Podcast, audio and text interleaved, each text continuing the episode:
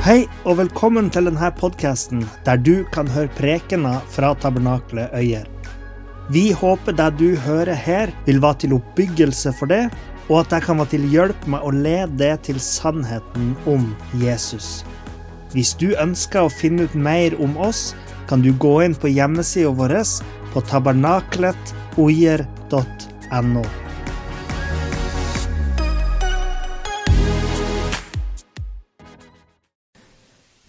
Syng det ut. Syng det ut igjen. Jesus alene er redningen. Det handler om å være et vitne. Jesus snakker om å rope det ut fra hustakene. Syng det ut at Jesus alene er redninga.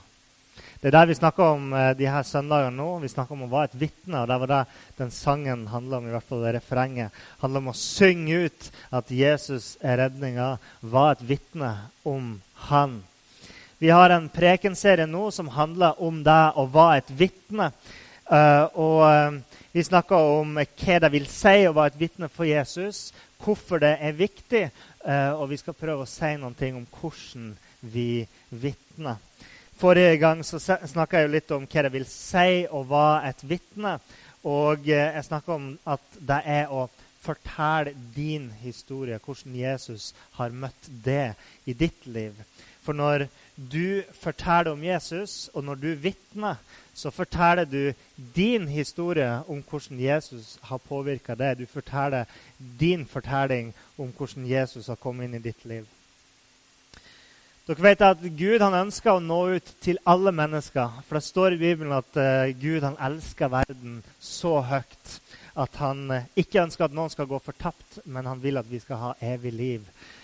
Og uh, Den fremste måten Gud gjør det på i verden i dag, det er at han bruker oss, hans barn, for å være vitner om han i verden. Det er hans fremste verktøy i verden. Det er Guds barn. Når Jesus døde for våre synd og skyld på korset, så forsonte han oss med vår Far i himmelen. Jesus ble ei bro mellom oss og Gud, sånn at vi kan få kontakt med Gud igjen. Og Det er det her som er evangeliet. Det er det her som er de gode nyhetene som kristne først og fremst ønsker å dele med verden. Eh, at eh, at Gud han har elska verden så høyt at han har skapt en vei for oss til å komme opp til Han. Det er de gode nyhetene. Og uh, når en kristen vitner om sin personlige erfaring eh, med de her gode nyhetene, så kaller vi det evangelisering. Det er egentlig ikke mer enn at kristne vitner om de gode nyhetene. Og de gode nyhetene, Evangelium betyr jo gode nyheter. Så det er ganske enkelt det man gjør. Evangeliet eh, handler ikke om å manipulere samtaler eller å, eller å, bruke makt for å overta folk til å eh, bli kristen. Men det handler om å anerkjenne at Gud har samtaler gående med mennesker ute i verden allerede. Og Derfor så kaller jeg preken i dag for eh, 'Bli med på samtalen som Gud har starta' forrige preken så snakka jeg om den enkle definisjonen av evangelisering, som er det her. Evangelisering er lik å bli med på en samtale som Gud allerede har med noen. Å bli med på en samtale som Gud allerede har med noen. Og Bakgrunnen for denne enkle definisjonen av evangelisering, som jeg håper er lett nok for oss til at vi kan greie å huske, Eh, er et eh, litt mer avansert konsept som heter Missio Dei, eh, som betyr Guds misjon. og Det handler om at Gud bringer sitt rike til verden. Det er Guds rike som har kommet ned hit til oss, som Jesus tok med til oss og åpna for oss. Og det er Gud som driver misjonen fremover i verden. Det er Gud som har sørga for evangeliet og lagt grunnlaget for de gode nyhetene. Og det er Gud som tilbyr oss de gode nyhetene. Gud han er allerede der ute i verden og har vært der ute i verden fra skapelsen av og planlagt for hvert enkelt menneske hvordan han på best mulig måte kan nå dem. Og eh, det er det som vi kan få lov til å være med på. Guds misjon. Å bli med på en samtale som Gud allerede har med de menneskene der ute. Og Guds prioritet er først og fremst de som har kommet bort ifra Gud. Og Det fremste verktøyet han har for å nå ut til dem, er Guds barn. Vi er hans fremste verktøy for å nå ut til de bortkomne. Så introduksjonen for dagens uh, preken er nesten som et lite referat fra forrige søndag. Men det er bra, for da kommer vi litt inn i det. Så pga. disse tingene her så kan du finne frimodighet til å være et vitne og fortelle din historie om hvordan du har sett og erfart Jesus i ditt eget liv. Vi har alle en fortelling, og Gud vil at du skal fortelle din historie. Ditt vitnesbyrd. Dessverre så har det vært en negativ utvikling med tanke på kristne sine holdninger til det å aktivt være et vitne om troa si for andre mennesker som har en annen tro, eller som ikke tror. Se på den statistikken her.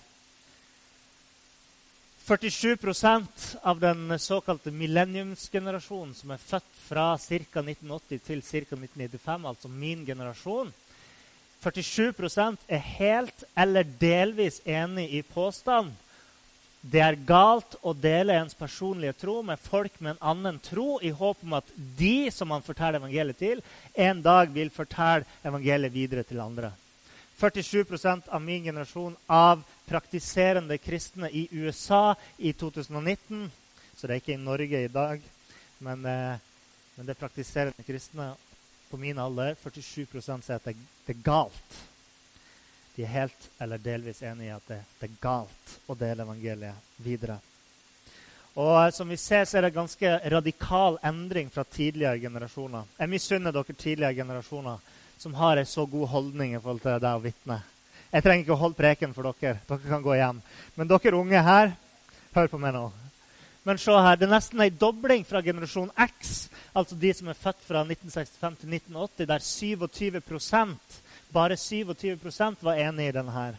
Og det, det nesten dobla seg til den påfølgende generasjon. Og, og, antallet folk som var enig i denne påstanden, var enda mindre i de foregående generasjonene. Så det er en veldig negativ utvikling som har, har skjedd. Og vi lurer på, på, hvordan kan så mange være uenig i at man skal vitne? Vel, det er det som er så rart. Fordi at de er ikke uenige i at det er viktig å være et vitne. Se på hvordan de svarer på den neste påstanden. Deler av min tro er å være vitne om Jesus. 96% er helt eller delvis enig i at det er en viktig del av å, å være en kristen. Det å være et vitne om Jesus. 96% Og de andre òg. Det er jo helt i tråd med de tidligere generasjonene. Så den holdninga har ikke endra seg. Og nesten samme tall som det her finner vi på, på påstanden 'Å kjenne Jesus er det beste som kunne skjedd med meg'. Det er nesten, nesten samme som vi hadde oppe her i stad. Og eh, hvilken generasjon tror dere tenker om seg sjøl at de er flinke til å dele evangeliet med andre? Hvilken generasjon tror dere tenker at de er flinkest til å, til å gjøre det? Og det er millenniumsgenerasjonen. 73 av millenniumsgenerasjonen tenker at de er helt eller delvis enig i påstanden om at jeg er flink til å dele evangeliet, til å dele min tro med andre. Og, ehm, og det er jo litt ironisk når 47% av de mener at det er galt å dele til de som har en annen tro. Og En av grunnene til det her spekulerer de som har laga undersøkelsen, eh, er at de yngste generasjonene har vokst opp i et samfunn som har vært forskjellig fra de foregående generasjonene der de har vokst opp i et mer såkalt pluralistisk samfunn. De har vokst opp sammen med flere andre livssyn og, og religioner. Eh, og har mange flere venner med en annen tro og et annet livssyn enn det de foregående generasjonene har. Og Yngre generasjoner har derfor måttet lære seg å leve i et samfunn med mange flere forskjellige religioner og livssyn enn tidligere, som kan ha ført til at eh, de ser på denne tanken om å omvende folk eh, De ser på den tanken som litt mer ubehagelig. Fordi at de har venner som har den troa. De har ikke lyst til å støte vennene sine. Og at de har blitt vant med, med å tenke at eh, du har din tro, jeg har min tro, og det er greit. Dette kan være mulige forklaringer på hvorfor det har blitt sånn. Og En annen undersøkelse viser at over ni av ti synes at evangelisering er viktig, men bare omkring to av ti deler evangeliet ukentlig eller regelmessig. Og det henger ikke helt, henger ikke helt på greip. Eh, David Kinnaman, han som er leder for Barna Group, som hadde denne undersøkelsen som eh, vi så på, som driver med sånne type undersøkelser, eh, han sier at denne studien som vi så på nå, understreker behovet for å forsterke bl.a. troen på at å evangelisere andre er en god ting som er verdig vår tid, energi og investering. Så han sier at denne undersøkelsen den sier at vi bør fokusere på at evangelisere, å evangelisere andre er en god ting som er verdig vår energi, eh, tid og investering. Og jeg mener at han har helt rett. Hvis dette er utviklinga, og vi så jo ikke generasjon Z, som de som er yngre enn meg tilhører. Eh, men eh, man kan godt anta at de har samme holdning eller, eller har blitt enda verre til da. Og hvis dette er utviklinga, så er vi nødt til å fokusere på det. Vi er nødt til å lære de yngste generasjonene viktigheten av å være vitne. Og vi er nødt til å påminne oss sjøl viktigheten av å være vitne. Så mange opplever evangelisering som litt rart og litt ukomfortabelt. Jeg tror kanskje de fleste opplever det sånn. Eh, og noen de tenker kanskje jeg har ikke personligheten til det. Jeg er ikke utadvendt nok. Jeg har ikke gaven til det. Og Derfor er vi nødt til å gi god veiledning om hvordan man kan gjøre det. Og andre har kanskje et negativt inntrykk av hva evangelisering er for noen ting, eller eh, hvordan det ser ut. Men hvis vi endrer vår oppfatning av hva evangelisering er for noen ting, så tror jeg vi kan dele eh, vår eh, historie med enda flere mennesker. Hvis vi snakker om det på en sunn måte, så kanskje vi kan bidra med det lille vi kan gjøre her, til å snu denne trenden. Okay? Hvis vi lærer oss at evangelisering er å bli med på det Gud allerede holder på med der ute, så tror jeg at det kan hjelpe oss til å finne nytt mot til å gå ut sammen med Gud. Vi går ikke ut alene og starter noe nytt der ute, men eh, vi går ut i utfordringene sammen med Gud, og han går foran oss ut i verden. Og så må vi heller ikke glemme at vi er det femte evangelium. Verden trenger å høre din historie om hva Jesus har gjort for deg. Hvis du vil høre mer om det femte evangelium, så kan du høre den forrige preken. så vi skal se litt på en historie om evangelisten Philip, som han blir kalt. Vi skal lese fra Apostlenes gjerninger, kapittel 8. Og eh, bare for å gi dere litt bakgrunn for Philip i Apostlenes gjerninger, kapittel 6, så leser vi at apostlene de var interessert i å finne noen folk som kunne hjelpe dem med tjenesten i menigheten. Eh, og Derfor så valgte de ut syv menn som kunne hjelpe dem til å tjene i menigheten. Og en av dem var Philip. Og Philip var ingen predikant, men han var en vanlig i hermetegn, vanlig kirketjener. Altså Han var, han var som om en som, som liksom sto i kafeen. da, en som sto i velkomstkomiteen i gangen. En som bar rundt kollektbøssa, for å sette det i perspektiv i våre menigheter. Men på eh, et tidspunkt så fikk Philip muligheten til å være et vitne. Og han forkynte ordet om Guds rike og om Jesus Kristus. Og skal vi tro fortellinga i Apostelens gjerninger, som jeg i hvert fall gjør, så gjorde han det med stor kraft i Den hellige ånd. Og Det danner bakgrunnen for denne historien vi leser fra Apostelens gjerninger 8, vers 26-38. En Herrens engel talte til Philip og sa:" Bryt opp og gå mot sør langs den veien som går fra Jerusalem til Gaza. I våre dager er det ingen som har hørt om Gaza. Dette er et ørkenlandskap. Så sto han opp og gikk. Og se, en etiopisk mann, en hoffmann med stor myndighet under etiopernes dronning Kandake, en mann som hadde ansvar for hele skattkammeret hennes, var kommet til Jerusalem for å tilbe. Han var på vei tilbake og satt i vognen sin og leste profeten Jesaja. Da sa ånden til Philip, 'Gå bort og hold deg ved denne vognen.' Philip sprang bort til ham og hørte ham lese fra profeten Jesaja. Han sa, 'Forstår du det du leser?' Han svarte, 'Hvordan kan jeg det uten at noen veileder meg?' Og han ba Philip komme opp og sitte sammen med ham. Skriftstedet han leste, var dette. Han ble ført til slakting som en sau. Og slik et lam er stum for den som klipper det, slik åpnet han ikke sin munn. I hans fornedrelse ble dommen over ham tatt bort, og hvem kan gjøre hans slekt kjent? For hans liv blir tatt bort fra jorden. Så henvendte hoffmannen seg til Philip og sa, Jeg spør deg, hvem er det profeten sier dette om? Om seg selv eller om en annen? Da åpnet Philip sin munn og begynte ut fra dette skriftstedet å forkynne evangeliet om Jesus for ham. Da de fortsatte bortover veien, kom de til et sted hvor det var vann. Hoffmannen sa, 'Se, her er vann. Hva er til hinder for at jeg blir døpt?' Da svarte Philip, 'Hvis du tror av hele ditt hjerte, kan det skje.' Han svarte, 'Jeg tror at Jesus Kristus er Guds sønn.' Så befalte han at vognen skulle stanse. Både Philip og Hoffmann gikk ned i vannet, og han døpte ham. Og Philip var en vanlig mann. Det var bare det at han var frelst og født på ny i Den hellige ånd og hadde fått sannheten i sitt hjerte.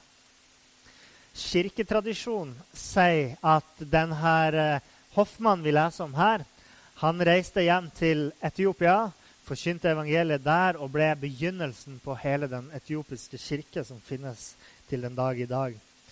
Altså, når han reiste hjem, så fortsatte han å spre evangeliet. Og skal vi tro denne tradisjonen, så var eh, det forholdsvis enkle møtet mellom Philip og Hoffmann, som gikk sammen på veien, to fremmede, så var dette møtet utrolig betydningsfullt.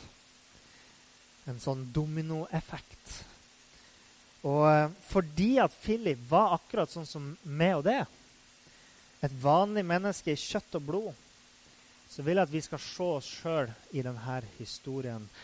Og prøve å spørre oss sjøl, at du skal prøve å spørre deg sjøl, hvordan kunne det her ha vært med? Og For å finne ut av det så skal vi prøve å se litt nærmere på den historien og se på fire ting som karakteriserte Philip i denne historien. Hva var det som lå til rette for at Philip kunne få til å omvende denne hoffmannen? Det første er å ha et åpent hjerte. Som jeg sa i stad, Gud elsker alle mennesker. Og uh, uansett hvor i verden de er, om de er i Kina, i Midtøsten, i Amerika eller i Norge, så strekker Gud seg etter alle mennesker. Så for det første så må vi ha et åpent hjerte for Guds kjærlighet til de bortkomne. Be om at Gud skal hjelpe oss å elske alle mennesker og se på dem med det samme hjertet som Gud har for verden. Gud har elska verden sjøl om verden er i, synd. Og eh, vi skal prøve å ha samme hjerte. Sjøl om vi kjenner at, eh, at vi, når vi ser mennesker som lever et liv som vi er uenig med, eller som gjør ting som er ond, så skal vi prøve å se Guds hjerte for dem likevel. Se gjennom det onde, sånn som Gud brøt gjennom det onde for oss. For det andre så er det å være åpen for å ta imot instrukser fra Gud. En Herrens engel talte til Philip, står det. Da sa ånden til Philip. Så Philip han var åpen for at Gud kunne ta til hans hjerte. Han kunne ignorere det. Det er helt sant, han kunne ha ignorert det. Men han var åpen for å ta imot denne beskjeden fra Gud, og han fulgte det med et åpent hjerte om hva Gud hadde for han. Så det begynner med et åpent hjerte. Det handler òg om å ha åpne øyne. Og med det så mener jeg ikke akkurat å ha åpne øyne. Du kan godt være blind og være en kristen og, og følge her stegene her, men det handler om å være oppmerksom på sine omgivelser. Okay? Å være oppmerksom på sine omgivelser. Se på Philip. Han sto opp og gikk, sprang bort til ham og hørte han lese. Philip han hørte på engelen og sto opp og brukte øynene sine og så veien til Gaza. ikke sant? Fulgte veien. Og hva var det ånden sa til Philip? Ånden sa, 'Gå bort og hold deg ved denne vognen.' Og Philip han gjorde som engelen og ånden hadde sagt. Eh, og, og, så er Philip oppmerksom på omgivelsene sine. Ånden sa bare 'Gå bort og hold deg nær ved denne vognen'. Det var alt ånden sa. Og, eh, men Philip han hadde åpne øyne. Ja, ok, Akkurat i dette tilfellet så hadde han åpne ører, eh, hvis du absolutt skal kverulere sånn. Så han hadde åpne øyne, Men han var oppmerksom på sine omgivelser. da. Han var våken. Og derfra så var det grei skuring for Philip når han først gikk ved den vogna som ånden hadde bedt han om. Så vi dagen, hvis vi starter dagen med et åpent hjerte og følger det opp med åpne øyne, så kan det hende at vi kommer til å legge merke til noen i mengden som Gud har kalt oss til. Det neste som eh, lå til rette her, som vi kan lære av, det var at Philip han gikk ved vogna og venta på ei åpen dør. For etter hvert så ser vi at han ba Philip komme opp. Det var ei åpen dør.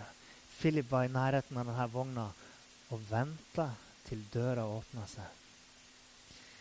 Noen gang så kan det være at vi forsøker å, å presse på med å dele evangeliet.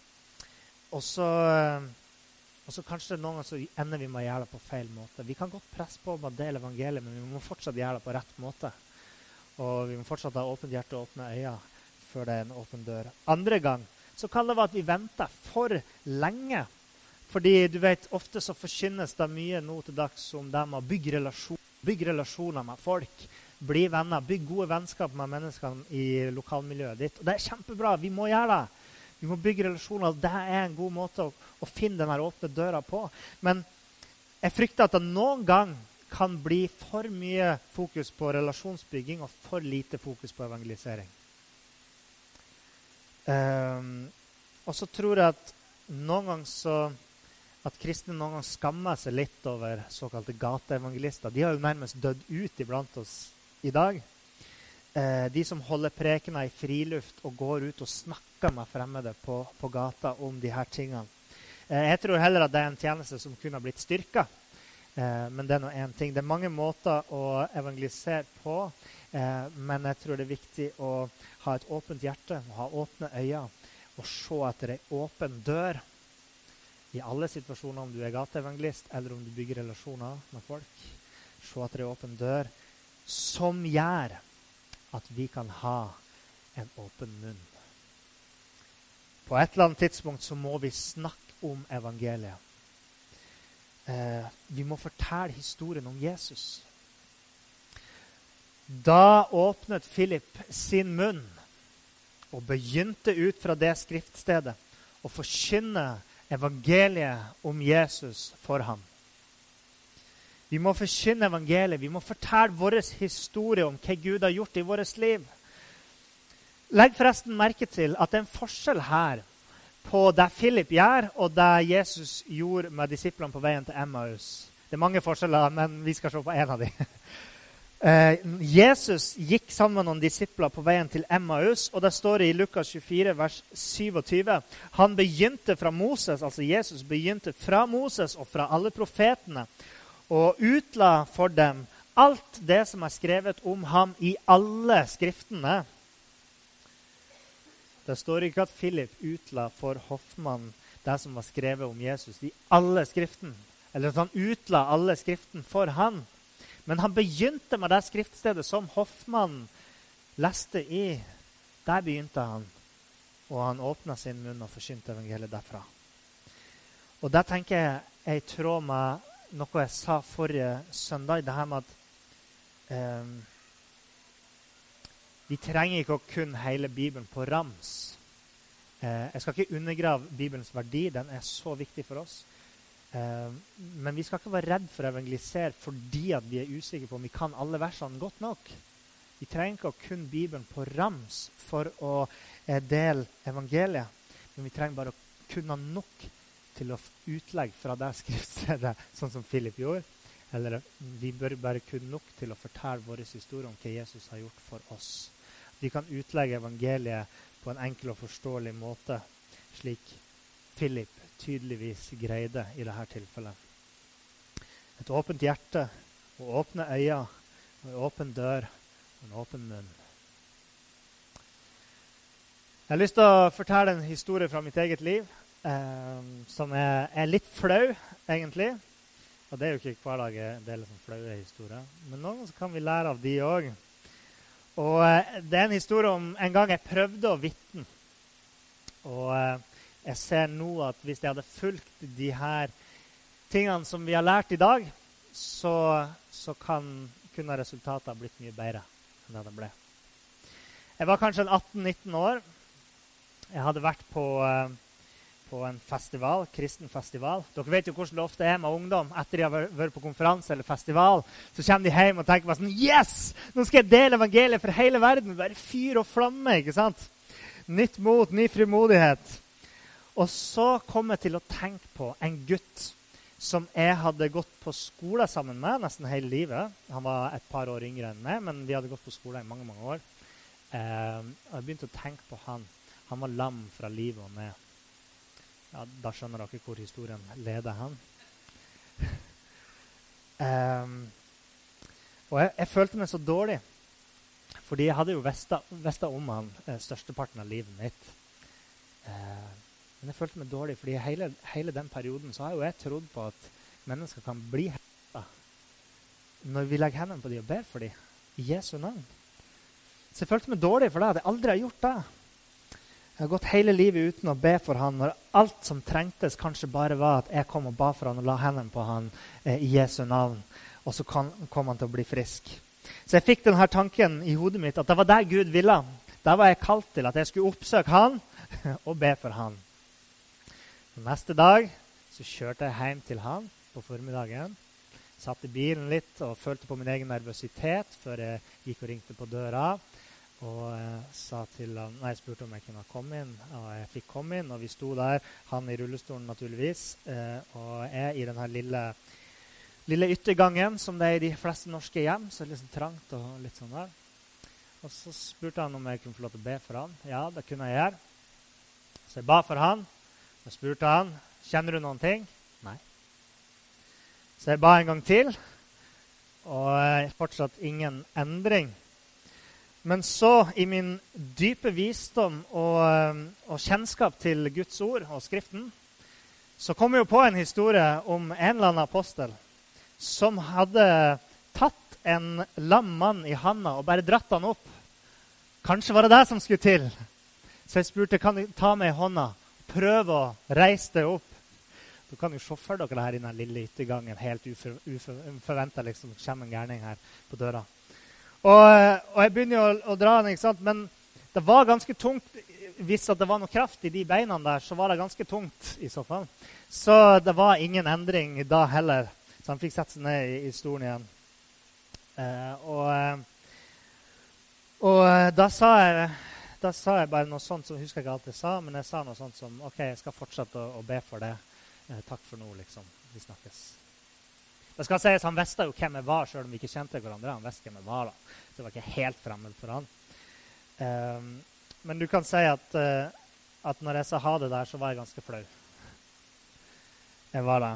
Uh, og, um, og, jeg skulle ønske at jeg kunne fortalt en historie heller uh, som handla om helbredelse. Eller som handla om at en, en ble døpt eller frelst. Sånn som i historien om Philip. Men jeg tror likevel at vi kan lære noe av denne historien som jeg har opplevd, som jeg har lært av den. Jeg hadde et åpent hjerte for, for at Gud skulle lede meg. Jeg hadde et åpent hjerte for Guds kjærlighet. For helt ærlig så var det virkelig Guds kjærlighet for de mennesker som brant i meg, som fikk meg til å, til å uh, troppe opp på, på, døra hans og si kan jeg få lov til å be for deg. Det var kjærlighet i hjertet mitt som leda meg dit. Men jeg leste nok mer inn i det enn som så. Kanskje Gud hadde minnet meg på han dagen før. Men så fant jeg på at det Gud kalte meg til, var at jeg skulle dra dit, og at han skulle bli helbreda. Det var ikke Guds plan, for ellers, hvis det var Guds plan, så hadde det skjedd. Og jeg sliter med å si at det var galt av meg å dra dit og be for han. Men noe var gærent med måten jeg gjorde det på. Jeg tror at det er riktig av oss å vise kjærlighet for mennesker, be for mennesker. Men vi må gjøre det på en god måte. Ok?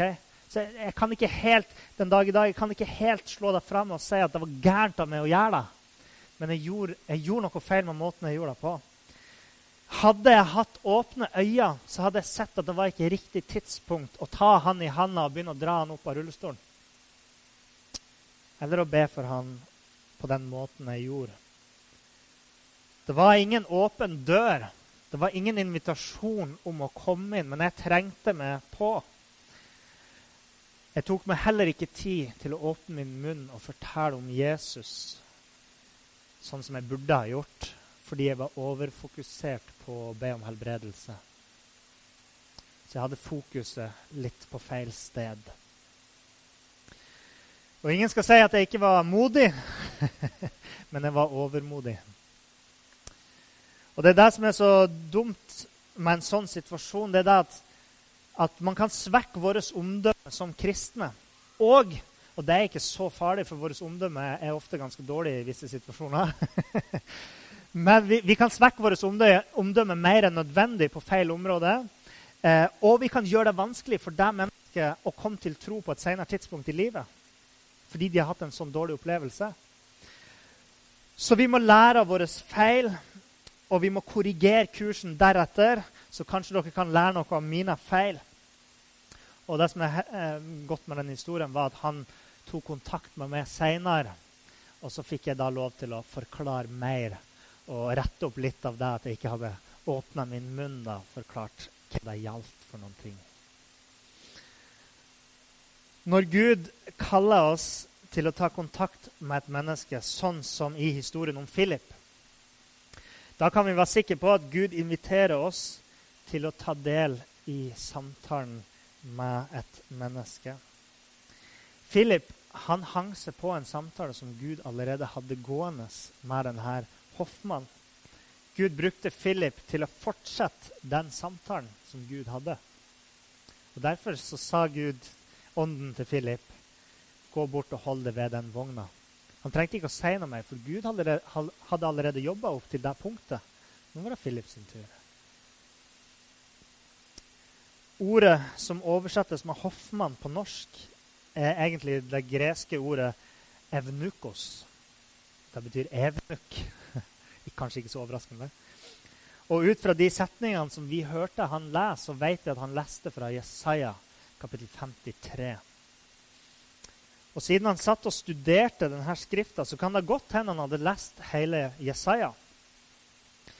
Og Jesaja 56, vers 4 og 5, der står det For så sier Herren til de evnukkene som holder mine sabbater og velger det som er til behag for meg, og holder fast på min pakt, dem skal jeg gi et minne og et navn i mitt hus og innenfor mine murer.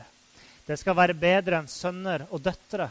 Jeg vil gi hver av dem et evig navn som ikke skal utslettes. Kanskje han hadde lest alt det her. Kanskje han hadde sett at Gud snakka om sånne som han i Bibelen. Gud hadde allerede en samtale gående med han i sitt ord. Gud har allerede en samtale med alle mennesker. Gud har allerede en samtale med oss. Og vi trenger å huske hvor viktig det er for oss å bli med i den samtalen. Vi må lære oss å forstå hvor unik og viktig hver enkelt av våre historier er for menneskene i verden. Å bli med på en samtale som Gud allerede har med verden. Det var det som leda den etiopiske hoffmannen til frelse.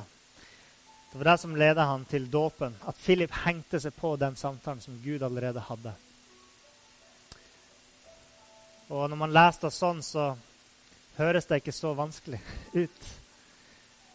Og det er helt sant. Det samme er innafor rekkevidde for hver enkelt av oss.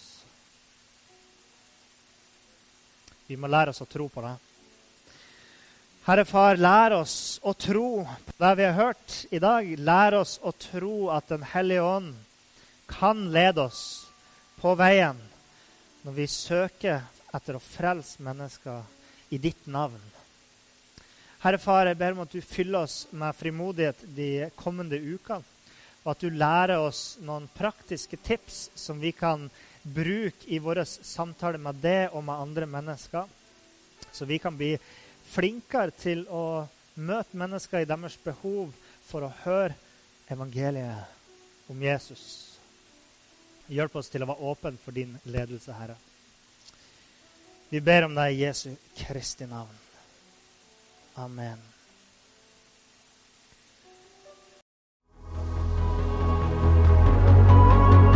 Takk for at du hørte på. Hvis du tok et steg i tro i dag, eller du har noe du ønsker forbønn for, så vil vi gjerne høre ifra det via e-postadressen kontakt alfakrølltabernakletoier.no. Du er òg velkommen til våre ukentlige gudstjenester i menighetslokalet i Haugskutua 5 26 36 Øyer.